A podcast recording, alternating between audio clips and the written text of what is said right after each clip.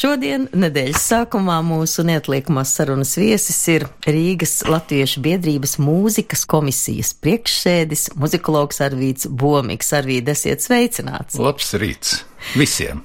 Satikušies esam tādā jaukā, patriotiski piesātinātā laikā starp diviem svētkiem, un, protams, Latviešu biedrībai tie arī vienmēr ir svētki un vienmēr notiek kas īpašs. Un šoreiz sagatavot Jāņa Ivanova mūzikas programma manas dzimtenes pusē.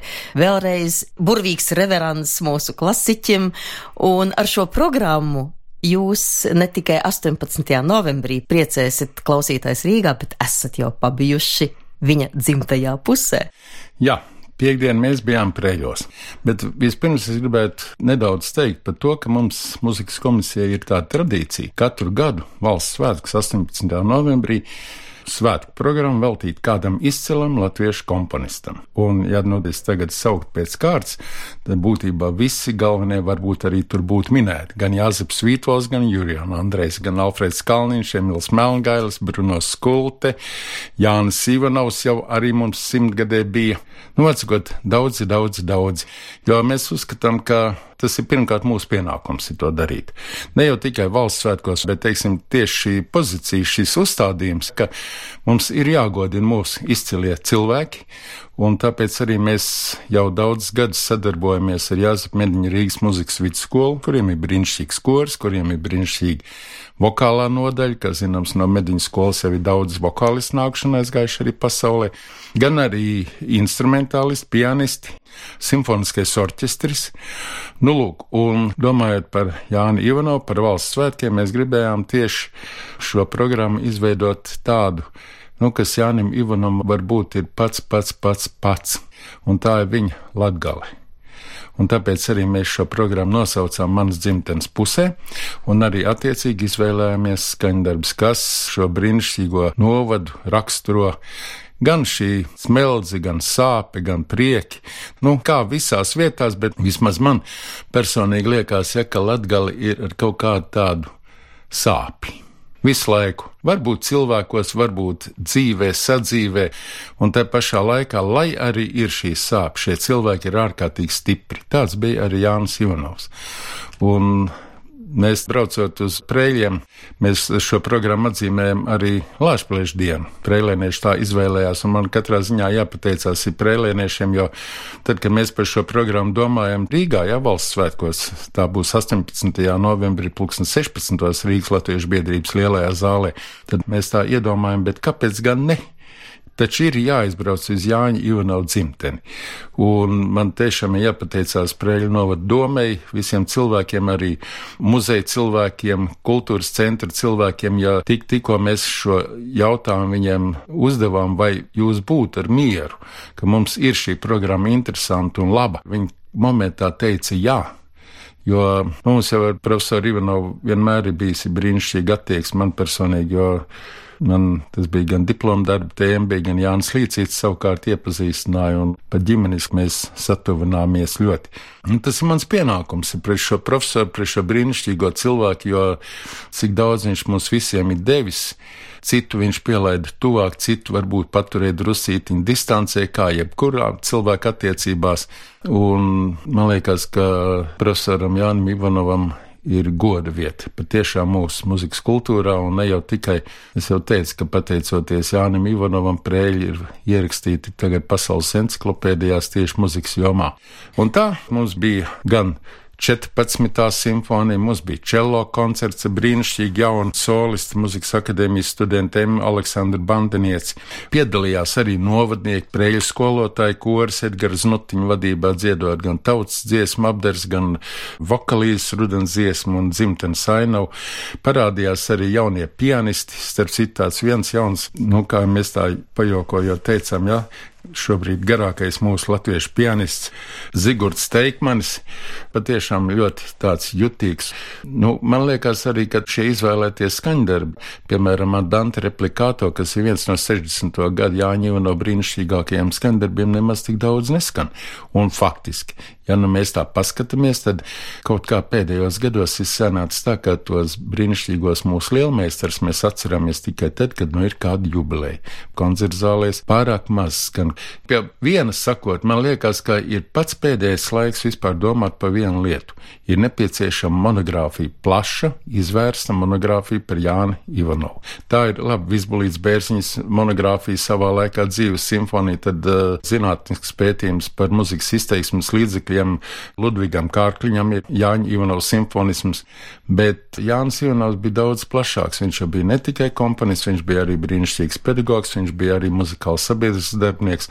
Un, ja nu mēs šobrīd sēžam šeit radio studijā, man gribētos teikt, ka Jānis Ivanovs tūliņ pat pēc tam, kad Rīga bija atbrīvota no valsts fašistiem, tad Jānis Ivanovs jau 3. un 4. dienā apstaigāja Rīgu sameklēja muziķus, kas ir spēlējuši un palikuši vēl Latvijā. Ja nemaldos, 18. oktobrī jau izskanēja pats pirmais koncerts. Jāņa Ivanova vadībā. Un arī strādājot Latvijas radio gan par toņmeistaru, gan arī par uh, mūzikas direktoru. Mūzikas direktoru, kā teiktu, jā, un par māksliniecisko vadītāju.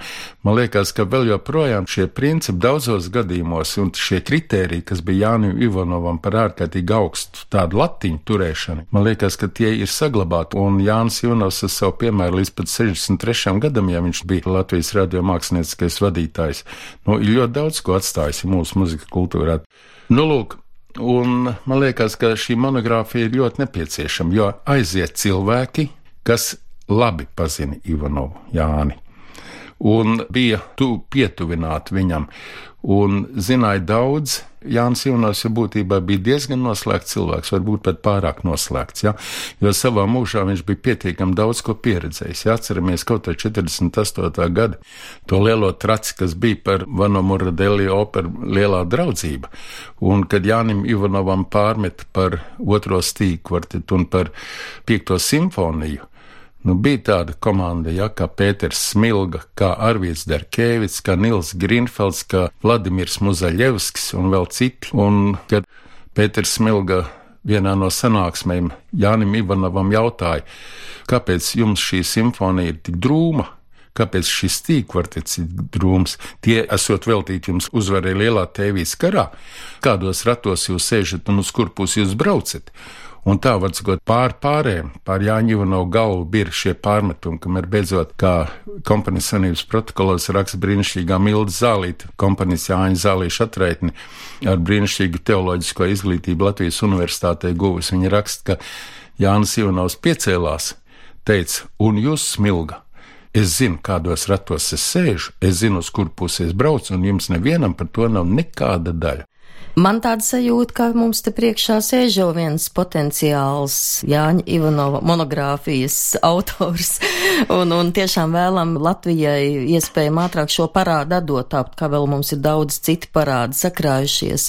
Bet vēl atgriežoties pie šī koncerta, es gribēju izteikt prieku par to, ka ar šo koncertu un droši vien vēl arī citām programmām. Tieši mūsu jaunatne tiek iepazīstināta ar vecmeistaru mākslu, un tas ir pats svarīgākais, jo viens ir tie, kas jau zina daudz maz un varbūt nespēlē vai, vai nedzied pietiekami, bet jauki, kā tai visā tiek ieraut iekšā arī jaunie cilvēki. Man liekas, ka viņa liela azartu to dara. Patiešām tas tā arī notiek, jo mēs vienmēr mēģinām izveidot to situāciju tādu, nu tagad, par, piemēram, braucot uz preļiem, nu, mēs varam izlasīt monogrāfijas. Mēs varam izlasīt, varbūt, presi, kas ir rakstīts un klausīties un tā tālāk. Bet es viņam tur braucot arī ļoti daudz stāstīju par Jānu Ivanovu, jo man tik tiešām ar Jānu Ivanovu bija ļoti cieši sakari un, nu, teiksim, tādas lietas, ja, kaut arī par šo te pašu 48. gadu, tāpat arī par daudzām citām lietām, jā, nu, tīri personiskās lietas. Man, piemēram, ļoti rūpē tas šobrīd, ko par Jāni Ivanovu runā jauni cilvēki. Jo Gan publikācijās es pārzinu šos materiālus, es lasu un es skatos, tas ir ņemts no turienes, tas ir ņemts no turienes, no grāmatām, pārstāstīts saviem vārdiem. Un kas notiek? Notiek tas, ka piemet kaut kādu tādu, varbūt mazliet ķecerīgu teicienu klāt, un tad liekas, nu, viss ir kārtībā. Bet Jāņa Ivano materiāls neviens nav pētījis. Un šobrīd šī grāmata ir ārkārtīgi nepieciešama.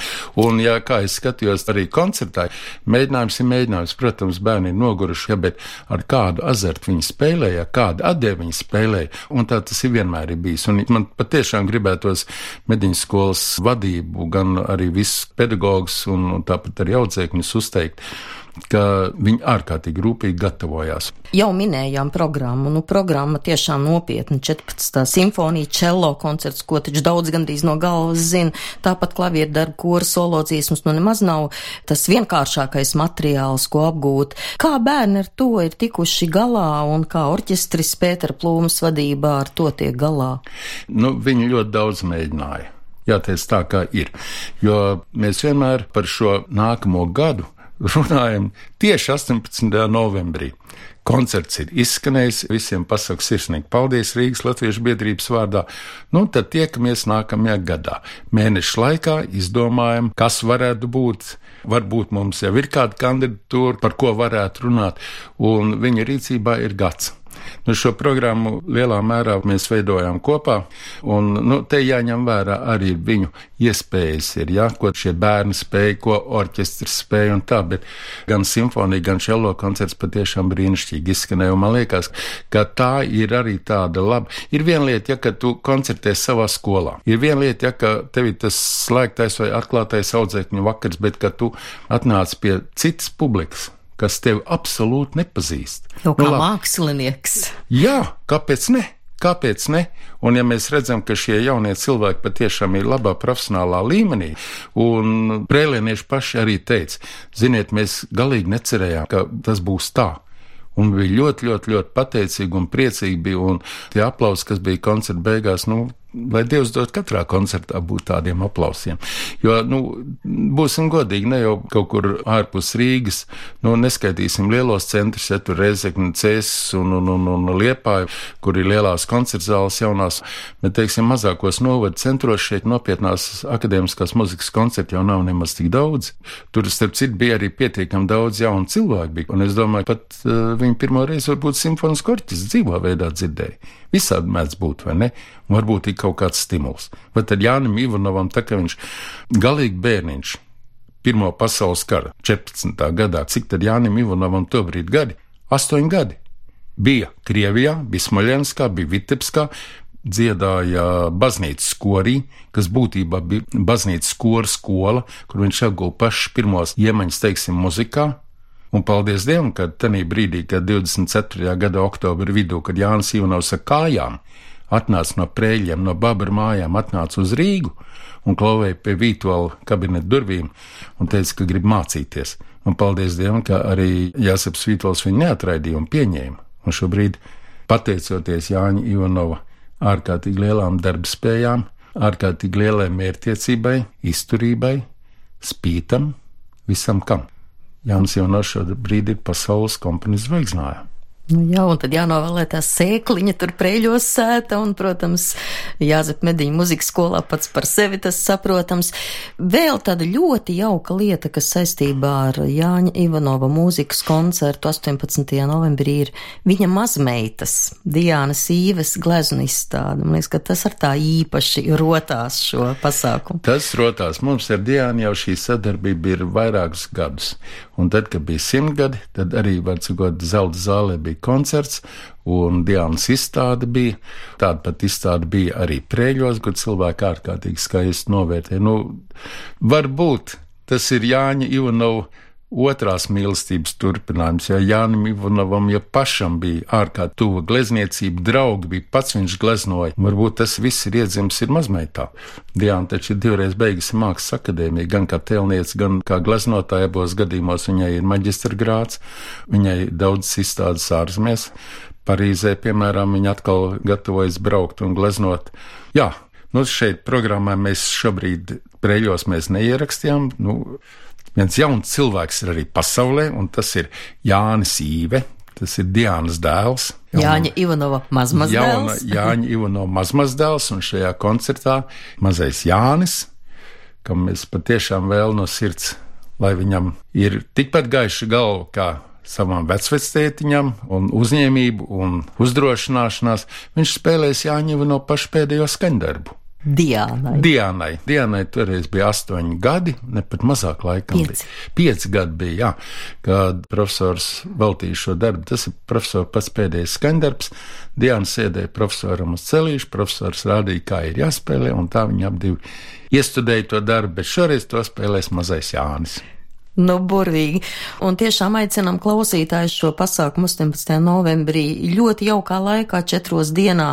Pēc tam ir iespēja apskatīties, kā staro Rīga un tādā jaukā latviskā gaisotnē pavadīt šo svētku pēcpusdienu. Mēs arī no savas puses aicinām, jo patiešām vienmēr ir tāda jauka gaisotne, un mēs vienmēr esam izvēlējušies tieši pulksten četri pēcpusdienā, lai koncerts beidzās, cilvēkiem vēl ir iespēja pastaigāt, pabaudīt, aiziet varbūt uz kādu citu pasākumu, salūts ir un, nu, baudīt svētkus. Mēs aicinām uz tikšanos! Paldies jums, un lai jums latviskais gars tiek uzturēts joprojām un tieši tikpat jaukā veidā. Paldies! Paldies. Laimīgi arī visiem priecīgus svētkus! Paldies!